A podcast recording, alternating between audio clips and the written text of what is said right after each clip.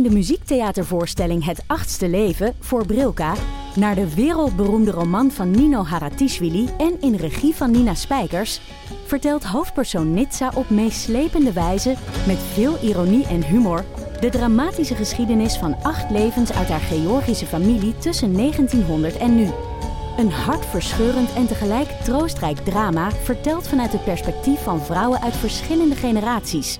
Waarbij het publiek meegenomen wordt op een emotionele, visuele en muzikale reis door de 20ste eeuw. Koop je tickets voor het achtste leven via oostpol.nl. Hoe komen we toch bij het idee dat Taylor Swift gewoon een meisje met een gitaar is? Ja, dat klopt natuurlijk niet. Er zit een heel team achter, plus een familie die heel veel geld in haar carrière heeft geïnvesteerd. Maar wie zijn die mensen en waarom horen we zo weinig over ze? Heb jij ook altijd al willen weten wie Tree Payne is en waarom Jack Antonoff zo belangrijk is voor Taylor's carrière? In Taylor's era duiken we erin en leggen we het je uit. Wie zijn de mensen rondom Taylor Swift en hoe belangrijk zijn ze eigenlijk? Luister nu naar Taylor's era op Podimo en Spotify.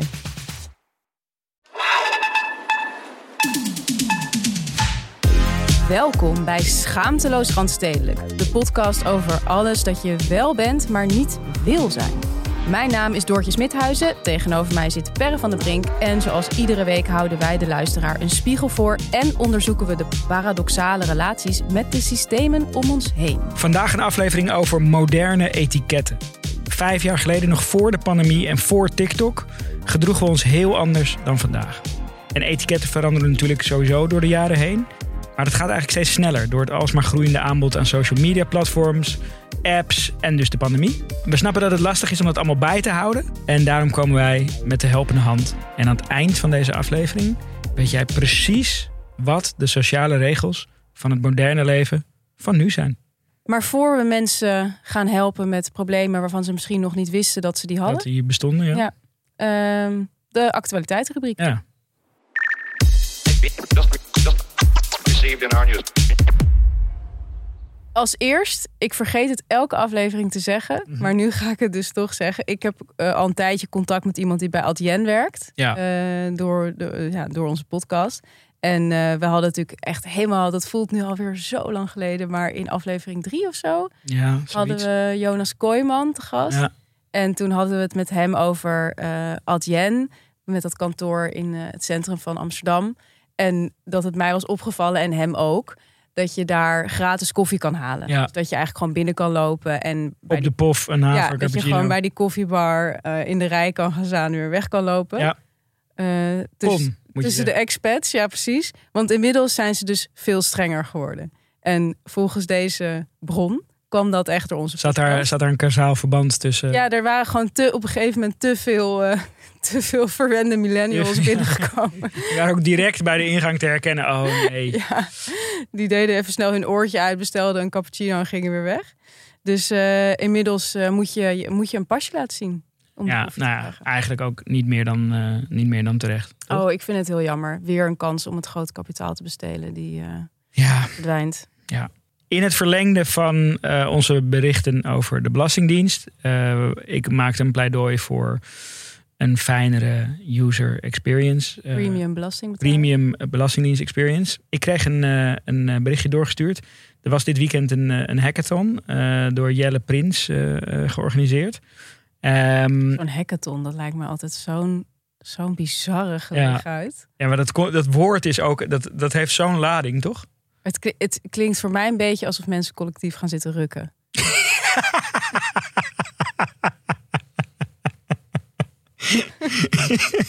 Nou, Ja, maar er dat is wel uit. inderdaad een beetje de lading die het, die het heeft. Eh, maar ik denk dat het inmiddels is het waarschijnlijk gewoon Nee, er- is- ergens eh, in een heel mooie zaal. Ja, god, en die Eh, mensen verdienen allemaal miljoenen natuurlijk. Precies, Dus- zit gewoon, eh, er staat gewoon Ace op zeep op, de, op, de, op het toilet daar. Absoluut. Ehm, maar goed, ehm, ik ben helemaal de draad kwijt door deze opmerking. Hoodies van Balenciaga hebben ze. Ja, precies. Nou, er was dus een, een, een, ehm, een hackathon dit, Ja. dit weekend. Maar ehm, de, er was één winnaar. En eh, de winnaar was ehm, eh, een idee dat heet Simpel. Goeie, simpele naam ook. Ja. Eh, en het is dus ehm, een ideetje wat eigenlijk AI ingebru- of gebruikt voor iets goeds. Namelijk het versimpelen van overheidsbrieven. Oh. Dus eh, er staat ook een soort demo-videootje bij. Dus je scant gewoon letterlijk een, een, een brief. Ehm, en je krijgt eigenlijk gewoon een, een, een, een versimpelde samenvatting van die app. Van wat je moet doen of wat er eigenlijk staat. Ehm, eh, zodat je gewoon verder kunt. Mm. Ehm, en eh, ik vond het wel echt een mooie, mooie toepassing. Aan de andere kant dacht ik ook van wow, dat dit nodig is om. Je kan ook gewoon een fucking normale brief schrijven, natuurlijk. Maar het is toch Ehm, ook zo nodeloos ingewikkeld altijd als je die belastingbrieven Ja, krijgt. ja. Nou, niet alleen de belasting, toch? Heel veel, heel veel dingen. ehm. Maar ik heb juist het idee dat het zo ingewikkeld wordt omdat ze simpel proberen te doen. ja, Dat ze alles gaan herhalen en zo. ja, precies. Ja, er heel veel soort van disclaimers. En eh, het is natuurlijk ook niet heel. Ja, het, het moeilijkste is om simpel te schrijven, toch? Mm. Dat is, is natuurlijk ook niet makkelijk. Ehm, maar goed, ik vond dit idee echt, echt tof. En eh, ik hoop dat het er eh, ook daadwerkelijk komt. Ja. eh, mensen geholpen worden er- ermee. Gefeliciteerd aan alle hackers. En aan Simpel in het bijzonder. Ik, ik hoop dat jullie een Balenciaga trui hebben gewonnen. Dan nog een ehm, fascinerend dingetje.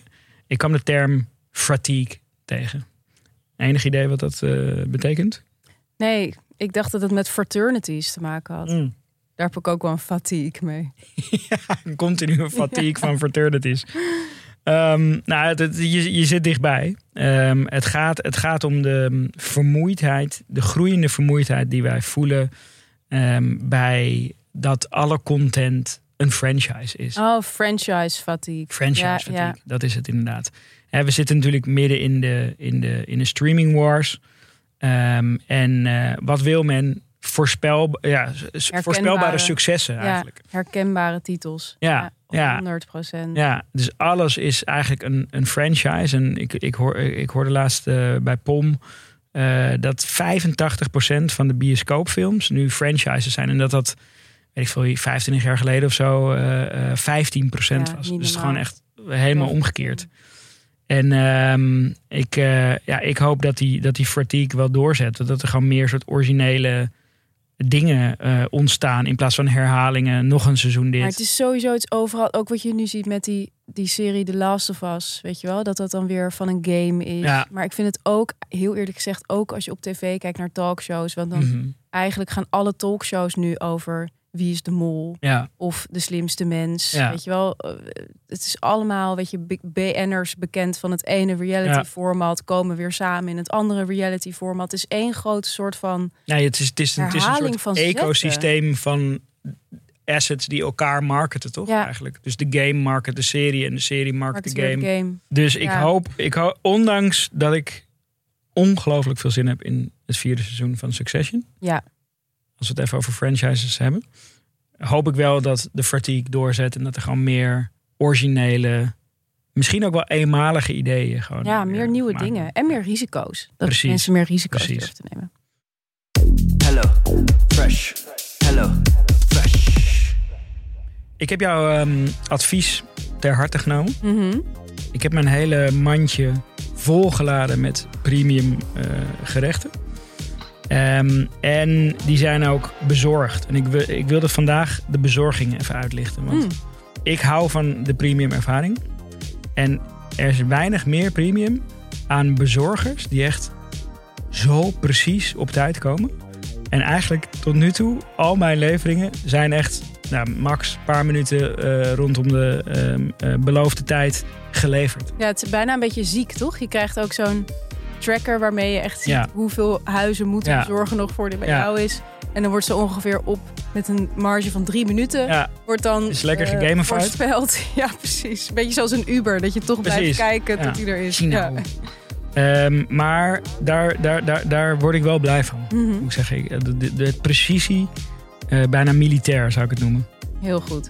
Wil jij nou ook een premium bezorgde HelloFresh box? Dat kan. En wij kunnen jou tot wel 75 euro korting geven op je eerste vier boxen met de code Hello Schaamteloos 75. Deze korting geldt voor zowel nieuwe als oude HelloFresh abonnees. En je bent een oude HelloFresh abonnee als je meer dan drie maanden geleden je lidmaatschap hebt opgezegd. De link vind je in de show notes.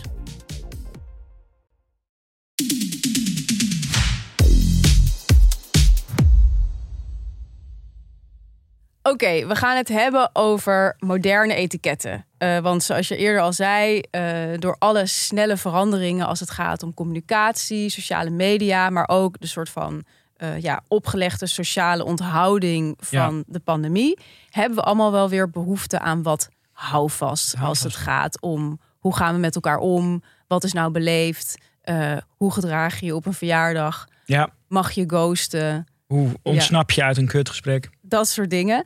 Eh, wij zijn niet de enige met die behoefte. Ehm, New York Magazine eh, publiceerde onlangs een heel groot artikel waarin ze 140 nieuwe regels opstelden, waarmee de lezers zich zeg maar makkelijker en veiliger door het moderne leven kunnen bewegen. Ja, dus waar, waarom, hè, eerste vraag van waarom hebben die nieuwe etiketten nou nodig? Een beetje tweeledig. Dus, dus, dus COVID heeft iedereen eigenlijk awkward gemaakt. Vervreemd. Blijkt, Ja. bla- blijkt sorry. Ehm, alleen nog maar zoomen. ja, en, En en zelfs dat, dat, kunnen we niet. Nee, dat, dat, dat, ik dacht dus dat dat... Tijdens COVID dacht ik van, nou, dit verandert alles. Toen na COVID dacht ik, nou, dit- dit, dit heeft dus helemaal niets veranderd. Maar het heeft dus wel iets veranderd. Er is Mhm. ook eh, onderzoek naar gedaan. Ehm, en het heeft ons dus minder eh extravert gemaakt. Mm. Dus meer eh, in, in onszelf gekeerd. En dan is het dus ook logisch dat we dus niet meer altijd weten wat we moeten doen in welke situatie of zo. Nou, daar komt natuurlijk bij dat, dat we sowieso al awkward waren geworden door de smartphone, toch? Ja. eh, we, zi- we zitten eigenlijk alleen maar in het, in het scherm. Ehm, dus eh, ja, dat heeft überhaupt al alle gedragsregels eh, beïnvloed. Ja, het tempo van die verandering gaat ook sneller dan ooit tevoren of zo. Dus als je naar eh, ehm, het tempo van verandering en, en van de adoptie van nieuwe ontwikkelingen kijkt. Dus een, eh, dat grafiekje kunnen we wel delen, is wel interessant. Ja, ik zit er naar te kijken. Ik begrijp daar helemaal niks van. Maar wat er staat is eigenlijk, eh, iets wordt geïntroduceerd en dan gaat het eigenlijk over de ehm, adoption rate Ah. eh, in de maatschappij. En eigenlijk eh, ehm, hoe eerder je in de 20e eeuw zit, hoe, hoe langer die adoption rate eigenlijk duurt. En eh, ga je na het millennium kijken, dan zie je gewoon dat dingen ongelooflijk snel eh ge, geadopt worden. En dat we dus veel minder tijd hebben om aan grote veranderingen te wennen. Ja, ja, precies. Want je ziet dan dat die radio, die had, zeg maar zeggen, 80 jaar nodig of zo om tot een soort Ja, piek te komen. ja, Ja. En Facebook 2 of zo. Ja, ja dus, dus in, in één keer wordt, worden alle soort van sociale conventies dan anders. Dus Ja. Eh, ja, je weet je gewoon letterlijk geen houding meer te geven. En het is ook eigenlijk heel logisch. En als je dan ook nog dat in combinatie met, met, die, met die lockdowns en zo, ja, dan, ja, dan, dan krijg je dus hele gekke, Nou ja, je ziet inderdaad, je ziet gewoon hoe snel het gaat al, vind ik, met onze, als je kijkt naar onze relatie met bellen. Ja, Dus als je ziet dat Gen Z'ers, zeg maar mensen die nu 20 zijn of jonger, die hebben, belangst. ja, die hebben enorme belangst. Ja. Die vinden bellen echt doodeng, omdat ze gewoon alleen nog maar gewend zijn om te appen. Ja, ja ik, ik, ik kan me nog mijn allereerste dag dat ik ging werken herinneren. Had je toen ook belangst? Nou ja, toen, toen dat was sowieso was gewoon geen, geen onboarding of zo. Dus ik kwam gewoon binnen. Ik, niemand wist dat ik, dat ik zou komen werken. Ik, ik kreeg een, een computer toegewezen. En ik, dat, die baan eh, was evenementen produceren. Hmm. Ik had geen flauw idee wat ik moest doen. En dat was gewoon letterlijk, nou ga maar zitten. En zaterdag hebben we een evenement. Dus, Gewoon willekeurig evenementen. ja, zo, nou ja, ik wist wel welk evenement ik moest doen. Maar ik wist gewoon echt niet wat ik moest doen. En er was niemand die mij kwam helpen. En toen moest ik dus ook ja, dingen gaan, gaan regelen en mensen gaan bellen. En toen had ik wel in de um, grote ruimte die dat kantoor was. Dus, dus iedereen hoorde mij ook bellen. Ja, dat is heel erg. En ik was gewoon, denk twee weken 18 of zo, weet je. Oh god, ja. Ik voel nog wel echt die, Ja. die ehm, angst. Dat had ik ook heel erg bij NRC. In zo'n kantoortuin. En Ja. ik wist ook niet wat ik moest zeggen, want ik was ook eerst stagiair. Dus ik durfde Ja. ook niet te zeggen, ik ben van NRC. ja, precies. Al die eigen soort, je het misschien te veel toe of Ja. zo. Die dat zelfbewustzijn. Dus het hoort denk ik ook wel gewoon überhaupt bij jonge mensen of zo. Niet, niet alleen bij maar ja, Z. je leert het jezelf wel aan. Maar inmiddels denk ik wel, ik kan inmiddels wel echt, ik kan wel goed zakelijk bellen, Ja. denk ik. Zodra ik bel voor een artikel of zo, dat kan ik dus goed. Maar ik kan dus gewoon totaal niet Privé. sociaal bellen. Nee. Nee. dat vind ik ook heel erg raar om te doen. Ja, Dus als mensen mij bellen ook, ik denk ook dat ik vaak sowieso deze hele aflevering voelt een beetje als een soort uitleg van bepaald gedrag van mezelf aan de mensen die mij kennen. Maar ik denk dat ik ook heel vaak heel eh, kortaf overkom als vrienden mij bellen. Want ik word al helemaal een beetje eh, verward als, ik, als ik, ik zie dat iemand belt. Dan denk ik eigenlijk al meteen dat er iets is. Ja, moet je Waarom voorstellen dat je je- vroeger dus niet in je beeld zag wie er belde. Ja. Hoe angstig dat ook was, toch? Ja, goed, maar dan ben je daar natuurlijk aan. Maar goed, ik zie dan dat een vriendin belt. Dan denk ik, er is iets aan de hand. Ja. Waarom zou je anders bellen? dan neem ik op. Hallo, weet je wel, ik ben heel gestrest. En dan eh, krijg je zo, hey. Ja, dan ben ik al... Ja, dan weet ik al helemaal niet hoe ik het heb. En dan zeg ik zo, hey. En dan, eh, alles goed, weet je Ja. wel? En dan zo, ja, alles goed. Ja, weet ik veel. Eh, Dat moment dat jij aan het wachten bent totdat er... nou ja, en dan, ik vraag dan dus, wat is er? Ja. En dan krijg ik dus soms ook terug, oh, mag ik alleen bellen als er iets is? nee, tuurlijk niet. Maar snap je, ik ben zo gewend Ja. om te bellen met een doel. Ik kan alleen maar bellen als het gaat om hoe laat zien we elkaar of... eh, Ik moet wel zeggen, ik denk ook dat mensen dat... eh, ik probeerde het net ondertussen op te zoeken, maar ik ben er nog niet achter gegaan. Ik heb ook het idee dat me- dat, dat ook veel minder gebeurt. Toch? Dat, wie, wie, wie doet dat nou nog? Nou, mijn vriend dus, die zit altijd echt eindeloos. Die, zijn telefoon gaat en dan gaat hij even echt een leisurely moment Ja. nemen met diegene die belt. Ja, ik heb één vriend inderdaad waarmee ik dat ook wel, wel doe. We- Waar gewoon echt zo bijna dagelijks wel even gewoon kort mee bel om even gewoon te praten. Ja, Ehm, die zei ook laatst tegen mij dat hij, dat hij, dat hij misschien eh, naar het buitenland ging verhuizen. En toen dacht ik oprecht van, ja, maakt niet uit. Want ik spreek jou toch alleen via... Alleen ik zie maar jou ook nooit, weet je. Ja, ik Ja. spreek jou via de telefoon. Dus eh, prima, verhuis maar lekker. Oké, als een simpel telefoongesprek dus al zoveel verwarring oplevert, dan is het eh, zeker van belang om die nieuwe etiketten te gaan bespreken. Mhm. Ehm, we zijn door die 140 regels van New York Magazine gegaan. Ja. Eh, we gaan onze favorieten uitlichten. En we hebben zelf ook nog wat regels bedacht Ja. voor de luisteraar, zodat ze daarna weer. eh, We hebben toch even een randstedelijk perspectiefje opgelegd. precies, zodat de luisteraar weer kleerscheurvrij het Ja. sociale leven. Want sommige waren inderdaad ook best wel Amerikaans hè, van, van die lijsten. Maar logisch ook, want eh, ze zijn in New York gemaakt. We hebben ons de afgelopen, eh, volgens mij drie afleveringen gebogen over alternatieven voor het kapitalisme, Ja, systeemverandering en ongelijkheid. Nu gaan we gewoon regels opnoemen en zeggen waarom ze goed of kut zijn. Ja. Hè? We houden het gewoon simpel. Dus ik ben begonnen met mijn favoriete regeltjes markeren uit de 140 regels van de cut. Ehm, en daarna heb ik gekeken van zit er een rode draad in? Ja, die zat erin. Bij mij ging alles om het vermijden van ongemakkelijke situaties.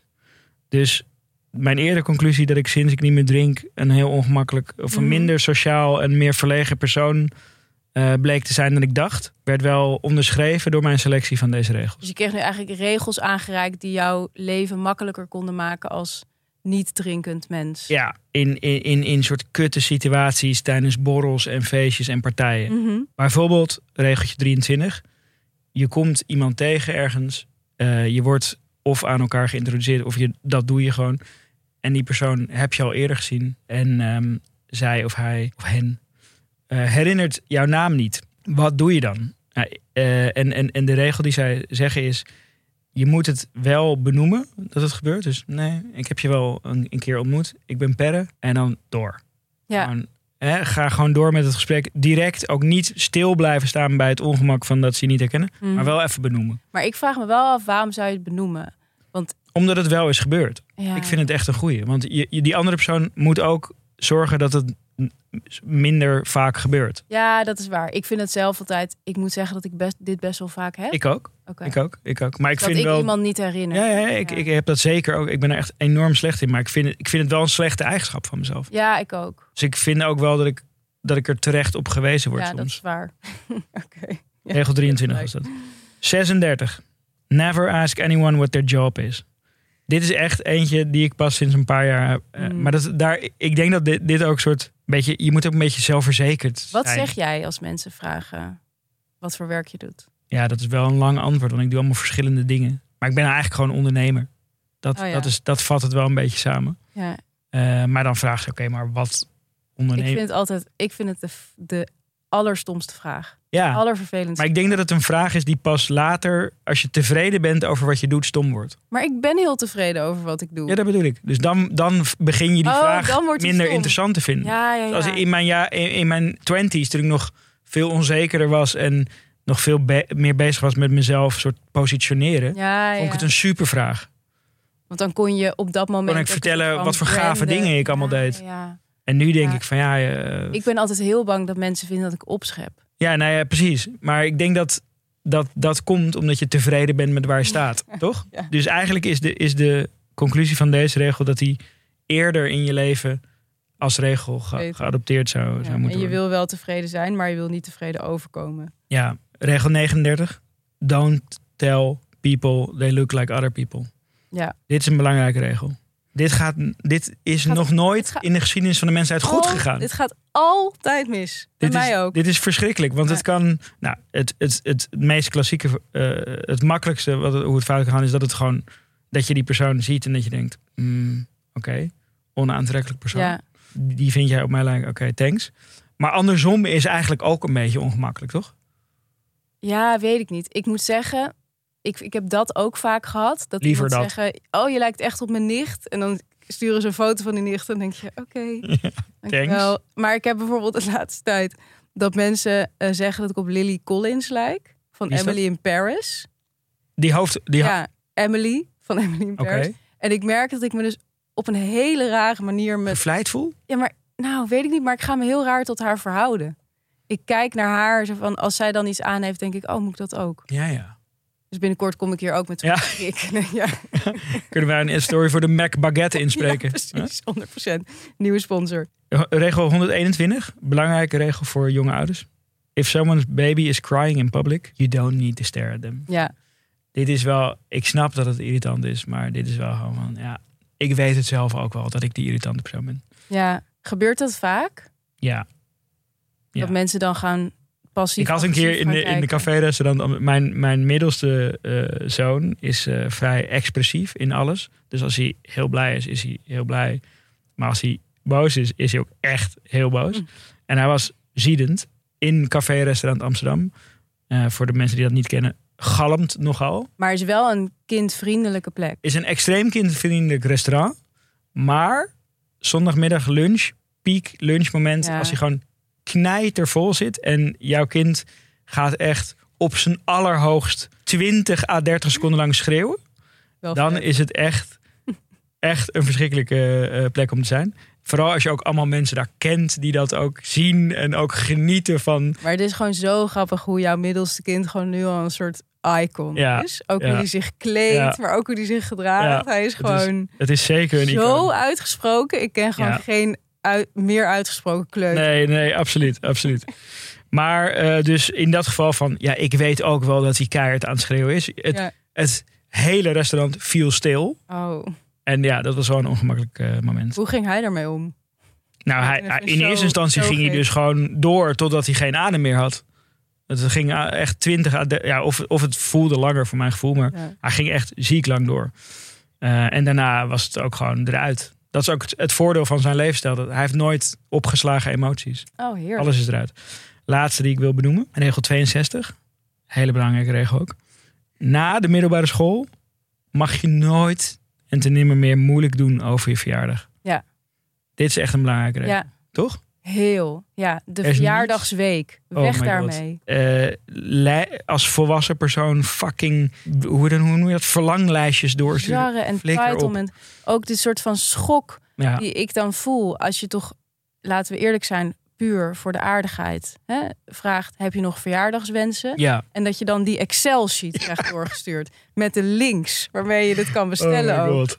En Ja. dat je dan de, weet, dit heeft iemand zitten maken. Dit heeft iemand op een Ja, dinsdagmiddag om research vijf is uur- hier Ja, ingestoken. nee, dat, dat kan ik echt niet. Nee, En je, je, je zadelt mensen ook ergens mee op. Want dan moet je met z'n allen cadeaus gaan afspreken. ja. Het is echt... ja. Oké, een van mijn eh, meest favoriete regels was regel 1. Je hoeft niet iedereen's boek te lezen. Ja. Ben ik het zo mee eens? Zeker niet mijn boek. Ik erger me er zo aan dat mijn hele vrienden en kenniskring... op het moment dat ik een nieuw boek uit heb... Ehm, ik heb twee boeken. Nu klinkt het alsof ik, alsof ik tientallen eh, boeken heb zes weken ongeveer een boek. eh, twee boeken uit. Maar dat iedereen dan zo een gesprek met mij begint. Nou, ik heb nog geen tijd gehad om je boek te lezen, maar ik heb er wel heel veel zin in. Nou, maar hoe is het? Weet je, ik het denk is ook een verkapte manier van zeggen: ik ga jouw boek nooit lezen. waarschijnlijk niet. Weet Ja. je, maar ik denk lees het wel of lees het niet. Kies zelf, maakt mij niet uit, want het is gewoon mijn werk. Het is ook wel mooi dat dit ook. Dit is natuurlijk een ongelofelijke bubbelregel. Ja, totaal. Maar dat dit ook in het artikel ook nummer één is. Alsof alle mensen, regel, ja. eh, alle lezers van de kut Ik sluit niet uit dat alle lezers van de Kut en Schrijven. Magazine Ja. een, Creëren. boek, een boek uit Ja. hebben. Maar goed, het geldt voor mijn gevoel ook voor hè, in bredere zin. Dus eh, ik heb dan best veel Ja. vrienden, toevallig inderdaad ook een bubbel, die ook creatief zijn, die ook dingen maken. En ik denk, volgens mij hoef je niet altijd alles van iedereen te Nee. zien, toch? Nee, Je hoeft niet elke EP, elke korte Nee. film, elke eh, Nee. roman eh, tot je te nemen. helemaal mee eens. Volgende, eh, regel 53. Was ik het niet helemaal mee eens. Ik ben benieuwd wat jij vindt. Om een ongemakkelijk of saai gesprek. Weet je, als je op een feestje staat en je denkt: shit, ik zit in een saai gesprek. Om dat te beëindigen, betrek je een ander gesprek erbij. Dus betrek je bijvoorbeeld twee Dan andere iemand mensen. voor de leeuw. Ja, je, je betrekt twee andere mensen die, die praten en dan ga je weg. Dus je laat iemand achter bij. Je was er niet mee eens. Nee, Ik zie het als een, een van de tactieken die, die eh, effectief kunnen zijn in deze situatie. ik heb inmiddels de tactiek dat ik gewoon heel eerlijk ben. Ik zeg niet, ehm, sorry, ik vind het een saai gesprek. Ik ga ergens anders staan. Zo eerlijk ben ik ook nog Oké, niet. Maar ik zeg, hey, eh, ik zie die. Ik ga even hem Ja, ja, ja, ja, ja. Want ik vind namelijk de, de, de strategie, ik ga even naar het wc. En dat je dan nooit meer terugkomt, dat vind ik echt Ja, die is, die is zo laf. love. Die is love. Die, die andere is, hangt er tussenin. Want in feite zegt hij ook van... Dit gesprek is niet interessant genoeg. Ehm, ja. Ik haak even ergens anders aan. Kijk, ik denk inmiddels ook wel, je hoeft toch ook niet te doen alsof je iedereen op het feestje Nee. even interessant vindt. Nee, zeker. Maar ik vind wel, ik vind zelf bij dat soort, laten we zeggen, nou afhankelijk van de plek, maar tussen de driekwart, tussen de helft en de driekwart van de gesprekken vallen wel in die categorie. Eh, dus dan heb je, Heel hard. het ligt er dus wel aan waar. Even iedereen met wie jij een keer gepraat hebt beledigd. Op Ja, sorry. Nou, één op de twee. ja. Ja, dus jij bent sowieso die andere. Ehm, ik vind wel dat je een, een breder arsenaal aan exit-strategieën moet hebben. ja, Toch? Wat heb jij nog meer dan? Nou, ik, vond dit, ik, ik, weet, ik weet het eigenlijk niet, maar. ehm, Maar ik, dit kan ook heel opzichtig zijn. ja. Want dan, want dan, dan, dan, eh, betrek je er andere mensen bij en dan ga je zelf meteen weg. Dan weet die ene Nee, maar dit, wel, dit ja. is inderdaad een, een, een, een tactiek die ook nog wat enige investering vergt. Want je, Ja. moet, je moet op zijn minst nog drie minuten meepraten. Nou, dat is waar. Je dumpt iemand even goed, maar in elk geval heb je er wel moeite voor Ja, je hebt, je hebt iemand wel. Je hebt een soort. Als een DJ twee gesprekken aan elkaar gemixt. Ja, oké. nou, misschien is hij toch wel, eh, toch wel goed. 99 vond ik ook echt een goeie. Mhm. Negeer collega's in de metro. Ja, Hier ben ik het zo mee eens. Ik die, heb, die is nog niet wijd geaccepteerd. Die is totaal niet geaccepteerd. En ik had ook, ik moest eh, vorig jaar moest ik eh, voor een project heel veel in Hilversum zijn. Ah ja, dan heb je dat natuurlijk de hele Dan tijd. pak je dus die trein. Dezelfde als iedereen. Ja, pak je de trein naar Mediapark. mediatrein. Ja, de mediatrein om, eh, ja, wat is het? Weet je wel, 8 uur 40. Kan je dan niet zo op je, op je, op je AirPods wijzen van ik ben een podcast aan Nee, het maar dat kan echt niet. Nee? dat kan nee. En dan en je gaat ook weer terug. Dus dan je staat al met elkaar op dat perron Ah, ja. en ik vond het al. Ik heb me hier enorm Wat doe je over dan? aangesteld, dus ik ga het niet, me niet nog heel veel meer erover aanstellen. Maar ik vond het al vrij heftig om de hele tijd in Hilversum te moeten werken. Ja. En dat je dan ook niet meer de rust hebt van zo'n trein. Dus dat je dan al met die mensen zeg maar moet praten over Mhm. Hilversum en Mhm. oh zitten we weer, weet je. Maar wat is dan jouw, jouw tactiek? Nou, die heb ik dus niet. Gewoon die, die, die, die, ik zie jou niet. Nee, nee, nee. Ik, ik, ik, ik heb dan gewoon een gesprek. Oh ja, je gaat gewoon mee. iedereen die, die nu met mij, die met mij in de trein heeft gezeten, nu weet dat dat totaal ongewenst was. Wij komen echt aan het eind van deze podcast. eh, vallen wij helemaal door de mand. Nou, ik had eigenlijk aan het begin willen zeggen, maar ik was het vergeten. Want ik, ik kan soms wel eens hebben, zeker na die aflevering die we met Julien hadden over eh, ouderschap. Mhm. eh, had ik natuurlijk wel één of twee dingen gezegd over hoe jonge ouders zich gedragen en zo. Mhm. Toen voelden mijn vrienden zich allemaal zo aangesproken. Ja? Ja? dus ik wilde eigenlijk aan het begin van deze aflevering zeggen... Trigger warning. Jongens, ook als het lijkt op jouw gedrag, gaat het niet over Ja. jou. Het is een beetje... Elke gelijkenis met de Precies, realiteit zijn een soort schrijvers. op toeval. Ja, Ja. precies. Ja. Eh, volgende, regel 94. Je mag altijd iedereen appen, mailen, sms'en, ongeacht hoe laat. Ja, helemaal mee eens. Ik, ben het hier ook helemaal mee eens. Ik, ik, ik, ik stuurde, nou dat was dan wel een per ongeluk bericht, maar ik stuurde een bericht in onze groepsapp voor, voor, voor Schaamtehuis Randstedelijk om 5 uur 33 Ja. geloof ik, eh, gisteren of zo. Toen voelde ik me even schuldig, toen dacht ik nee. het de is kat heeft- ieders, het is ieders, oké. ieders verantwoordelijkheid om zijn telefoon Ja. uit te zetten. Vind ik echt. Vind ik ook. En ik vind ook, ik, ik vind ook dat je best, bijvoorbeeld, ik, wij, wij zijn allebei heel vroeg wakker. Mhm. Ehm, dus ik heb wel eens eh, moment, eh, ochtenden dat ik mijn telefoon aandoe, dat ik van jou gewoon al zeven apps heb, inderdaad, om half zes. En dat jij dan zo, we moeten dit, we moeten dat, we moeten zo, deze aflevering staat nog niet, la la la. En dan zeg je altijd na zeven apps of zo, zeg jij, goedemorgen trouwens. Terwijl ik denk dan van, laat het lekker zitten, Per. Laat het lekker Ja. zitten. Ik, ik kijk dit op het moment dat ik het wil zien. Ik stop hiermee. Ik, Ja, ik doe het niet gewoon meer niet doen. Niet Ja. meer doen.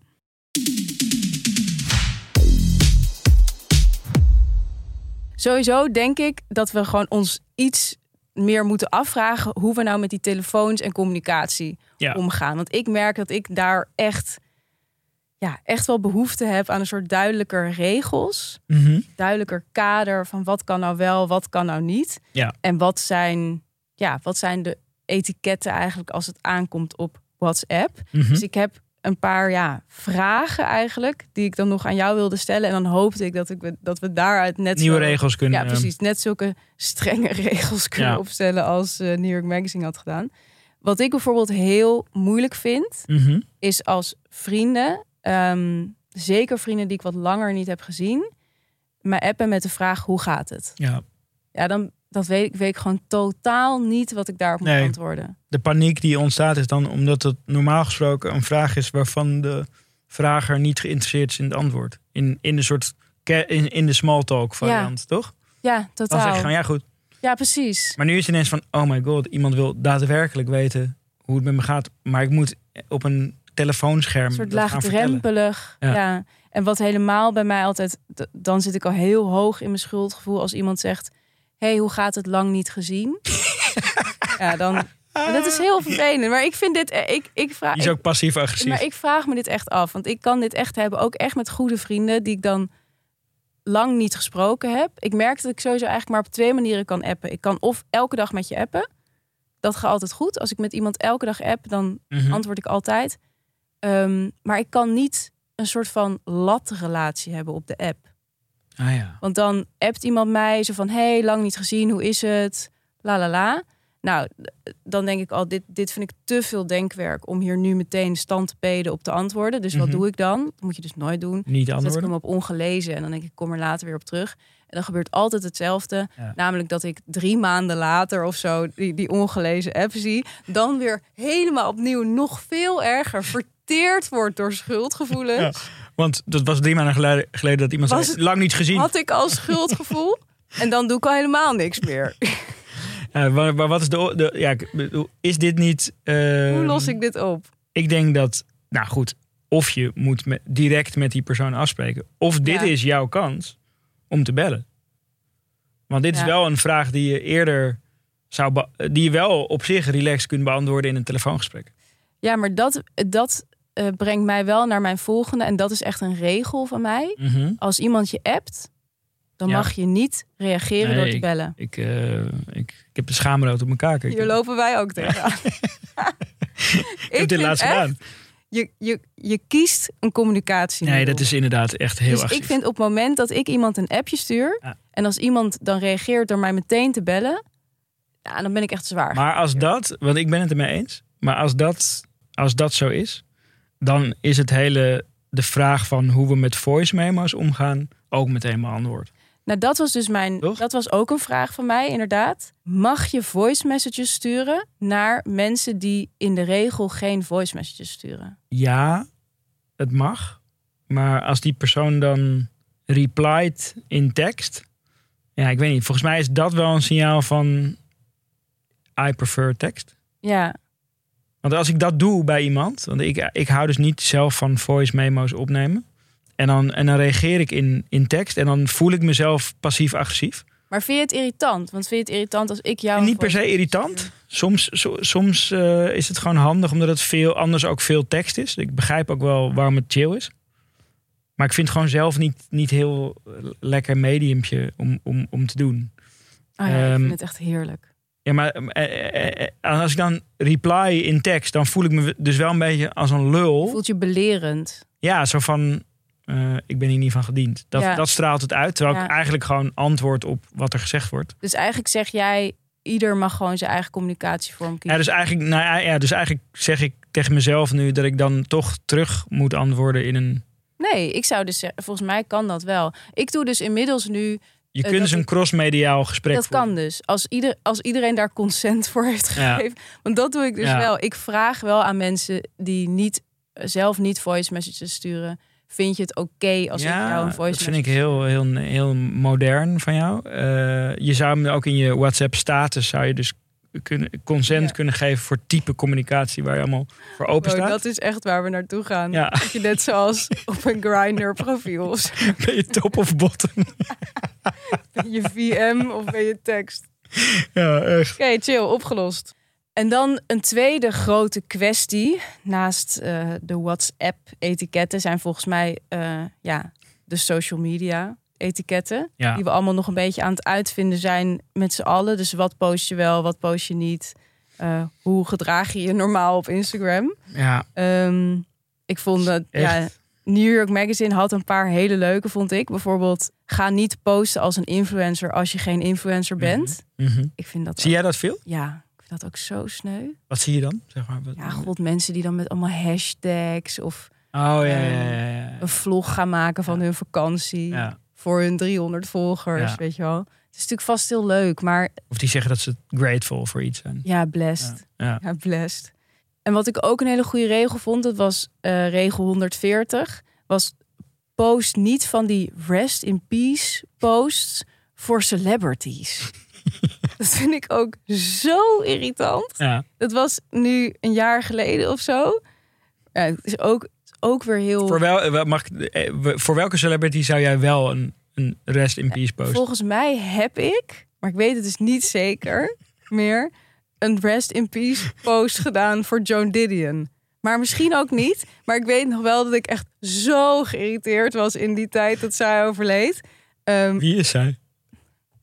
oh my god. Weet je niet wie Joan Didion is? Nee? Nou, ik ga de volgende keer wat boeken voor je meenemen. Maar dat is ja, echt een geweldige journalist uit Amerika. Zij heeft echt fantastische boeken geschreven. De White Album. Ze heeft heel mooi, heel kritisch geschreven over de hippie-generatie. Ook een prachtig boek over rouw. Wat echt nog maar vijf jaar geleden of zo is uitgekomen. Ze schreef veel voor Rolling Stone. En Ik herken haar foto. Ik, ben, ik heb het ondertussen gegoogeld. Herken je ik, haar ik van- herken haar foto van de rest in peace post. I know, Ja. omdat ineens, en dat is natuurlijk ook eigenlijk waar deze podcast over gaat, weet je wel, je denkt dat je uniek bent in je smaak, Ja. maar zij Oh ja, overleed. ja, ja. Nee, nee, nu, nu zie ik En ik had echt, weet je, alles van haar gelezen en ik was zo fan van haar en ineens bleek dus mijn hele tijdlijn zich zo te voelen en iedereen ging haar dan delen met hetzelfde favoriete citaat, weet je wel, en het dus had allemaal zoiets claimerigs of zo. Ja. En ik weet dus niet meer, ik zal het even nazoeken in mijn eigen archief, of ik toen bezweken ben onder de druk van, ik ben ook fan hoor. Ja, ja, ja. Of je het nou wel of niet. Of dat ik me groot heb gehouden. Ik, eh, ik zal het even nazoeken. Maar goed, ik, het eh, dus niet, is de les. nou, ik zou het niet doen. Het staat beter om het niet te doen. Ja, Joan Didion zou het ook niet gedaan hebben zelf. Nee, is veel te cool voor. nee. Ik heb sowieso, als het gaat om het delen op sociale media, heb ik voor mezelf best wel strenge regels Mhm. inmiddels. Ehm, Ja, je hebt eigenlijk maar één regel. ja, niks privé. Keep it business. Gewoon niks privé. Ja. Ja. Ja, dat is ook echt een keus. Op een gegeven moment heb ik die keus gemaakt. En ik moet zeggen, ik ben er best wel blij mee. Ja? Ja, want het geeft je een soort heel duidelijke structuur in wat je wel en niet online zet. Ja. Dus het maakt je ook ehm, dat je het minder gênant vindt om werkdingen te delen.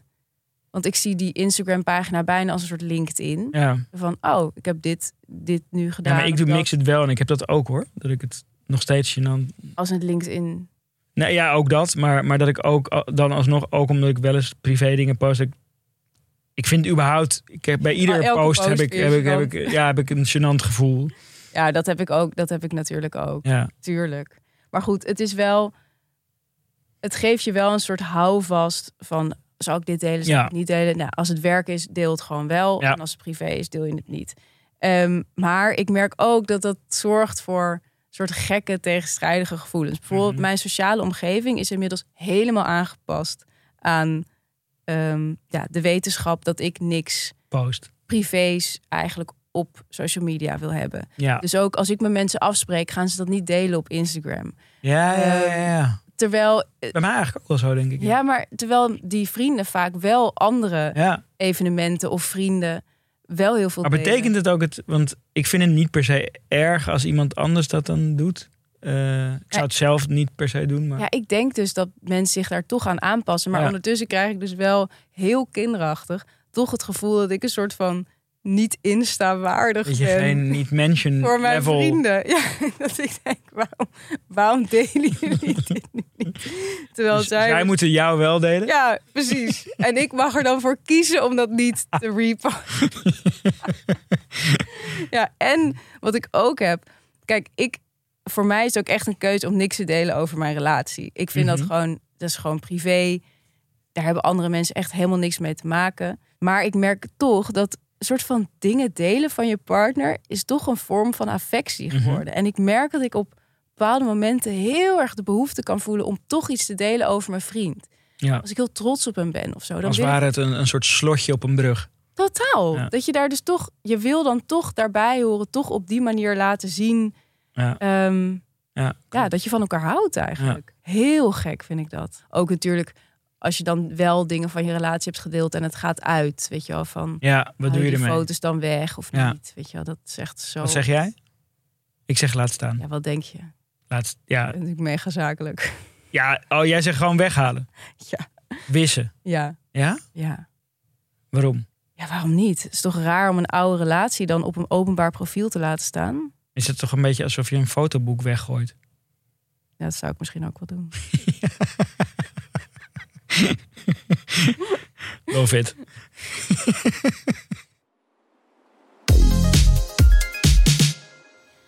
Oké, we hebben nu die highlights gehad van die 140 eh, etiketten van New York Magazine. Mhm. We hebben een aantal eh, dilemma's omtrent eh, social media en Er is al enige houvast gecreëerd. Er is, er is iets van een kompas ontstaan Ja. voor de luisteraars en voor onszelf, laten we eerlijk zijn. Ja. Ik had zelf nog twee regels die ik gewoon zelf heb bedacht. Ja. waar ik heel erg achter sta. En die ik de luisteraar toch zou willen meegeven. Doe ermee wat je wil. Ehm, Nou, luister er gewoon. maar luister wel. Ja. Oké. Vraag nooit of iemand zijn schoenen uit wil doen als hij bij jou op een feestje komt. Dat is zo vervelend, namelijk. Ik vind, een feestje. ja, ik vind als je zo OCD bent over je huis, dan moet je er geen Maar mag- mensen in uitnodigen. Nee, de, maar mag, het- mag het wel ik zou zeggen, smiddags of zo? Nou, ik zou zeggen bij een samenkomst van maximaal vier personen vind ik het misschien nog kunnen. Maar daarna niet. Ja, nee, dat ben, dat ben ik echt. Misschien Ik wel, echt wel max eens- twee personen. Ik heb echt wel eens op ver- verjaardagen, borrels, dat ik ergens binnenkom dat mensen zeggen: ja, wil je je schoenen uitdoen? Ja, we zitten hier niet op shoeless. Zo bizar. Weet je, en het is ook nog, kijk, ik ben heel klein. Ja. Dus Oh, je gebruikt die schoenen als functie. Nou ja, kijk, als je in een groep staat en iedereen is hier is natuurlijk heel lang hier in Nederland. Nou, dan, en dan moet je je schoenen uitdoen zoals ik. Dat scheelt gewoon weer. Maar ik vind eh, vooral die, 10 de, de, kleine kanttekening dat het dus bij groepen boven de vier personen, Ja, toch? max één, eh, ja, ja, boven de vier personen, helemaal mee eens. Ja, nee, daaronder ik, ik vond die uitzondering wel bela- Ja, belangrijk. maar goed, daar kunnen we nog mee leven. Een ander ding. Als je bloemen geeft aan iemand als cadeau Ja. of een plant, dan moeten die in een vaas of in een pot zitten. Dat vind ik echt. Ik heb op een gegeven moment. Maak wel de, vooral de, de plant eh, hoort hier wel bij. De bloem maakt, dan, maakt hem dan wel hoogdrempelig. Kan nog. Maar goed, wij hebben vorig jaar eh, zijn mijn vriend en ik door een periode gegaan waarin we nou, veel tegenslag hadden. En dan krijg je heel veel Ja. bloemen. Nee, Dat is ongelooflijk vervelend. Ja. Want je bent de hele tijd fasen Ja. aan het kopen. Wij hebben nu Ja. gewoon twintig fasen thuis. En niemand wil, oh, zoveel bloemen wil je ook helemaal niet in je huis hebben. Ook. Toch? Hetzelfde geldt voor een plant. Als je iemand alleen een plantje geeft, dan geef je iemand eigenlijk een opdracht. Want dan moet jij die pot nog gaan kopen. Nee, en ik vind dus ook wel dat als, als je... Oké, stel dat je dus eh, niet aan deze regel houdt... en je hebt geen vaas, maar wel bloemen. Ja. Dan moet je gewoon zelf die bloemen in... eh, moet je ze, want dat is ook een tyfuswerkje. Op een verjaardag of zo. Eh, ja. Oké, thanks. En dan moet ik ze nu gaan afknippen. En, Dat kan ook nog een optie zijn. Dat je zegt, ik ga ze nu even zelf in de vaas Ja. zetten. Ja. dat, vind ik, dat vind ik dan... Dat is een eh, goede middenweg. me- goede middenweg. ja, precies. Oké, ik ga er ook nog eentje... Maar die is heel groot. Eh, daar, gaan we, daar gaan we sowieso binnenkort een keer een, een hele aflevering over maken. Eh, maar ik zou willen zeggen... Verwacht minder van je vrienden. Hoezo? Omdat dat gewoon... voor mij maakt dat de vriendschap waardevoller of zo. Als er gewoon... Als, het, als er geen verwachtingen zijn. Maar verwacht minder in de zin van fase, eh Mm, terug appen. eh, Ja, terug, ik, ik vind het helemaal oké als, als een hele goede vrienden gewoon niet reageren. Helemaal prima. Als ze Ja. een uur van tevoren afzeggen, ook helemaal fijn. Ja, ik ben het hier dus gevoelsmatig heel erg mee eens. Maar ik weet dus niet of dat goed is. Nee, het is misschien ook om een eigen nonchalance met Ja, wat dat betreft af te kopen of zo. Maar ik denk dus dat we hier, we moeten gewoon binnenkort Ja. een vriendschapsaflevering Ja. gaan doen. We, hebben, we hadden dat al als trend. Ja, precies. Dus nu moeten we ook, nu moeten we ook De daad bij het woord voegen. een deep dive erin. Ja. Dit was schaamteloos randstedelijk voor deze week. En heb jij nou ook regels waar iedereen zich wat jou betreft aan zou moeten houden? Laat het ons dan vooral weten. Stuur ons bijvoorbeeld een DM op Instagram, schaamteloosrandstedelijk. En abonneer je natuurlijk op onze podcast in je favoriete podcast-app. Tot volgende week.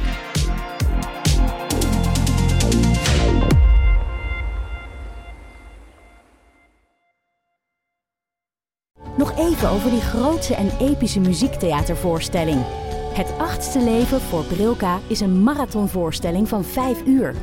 Koop je tickets voor deze bijzondere theateravond via oostpol.nl.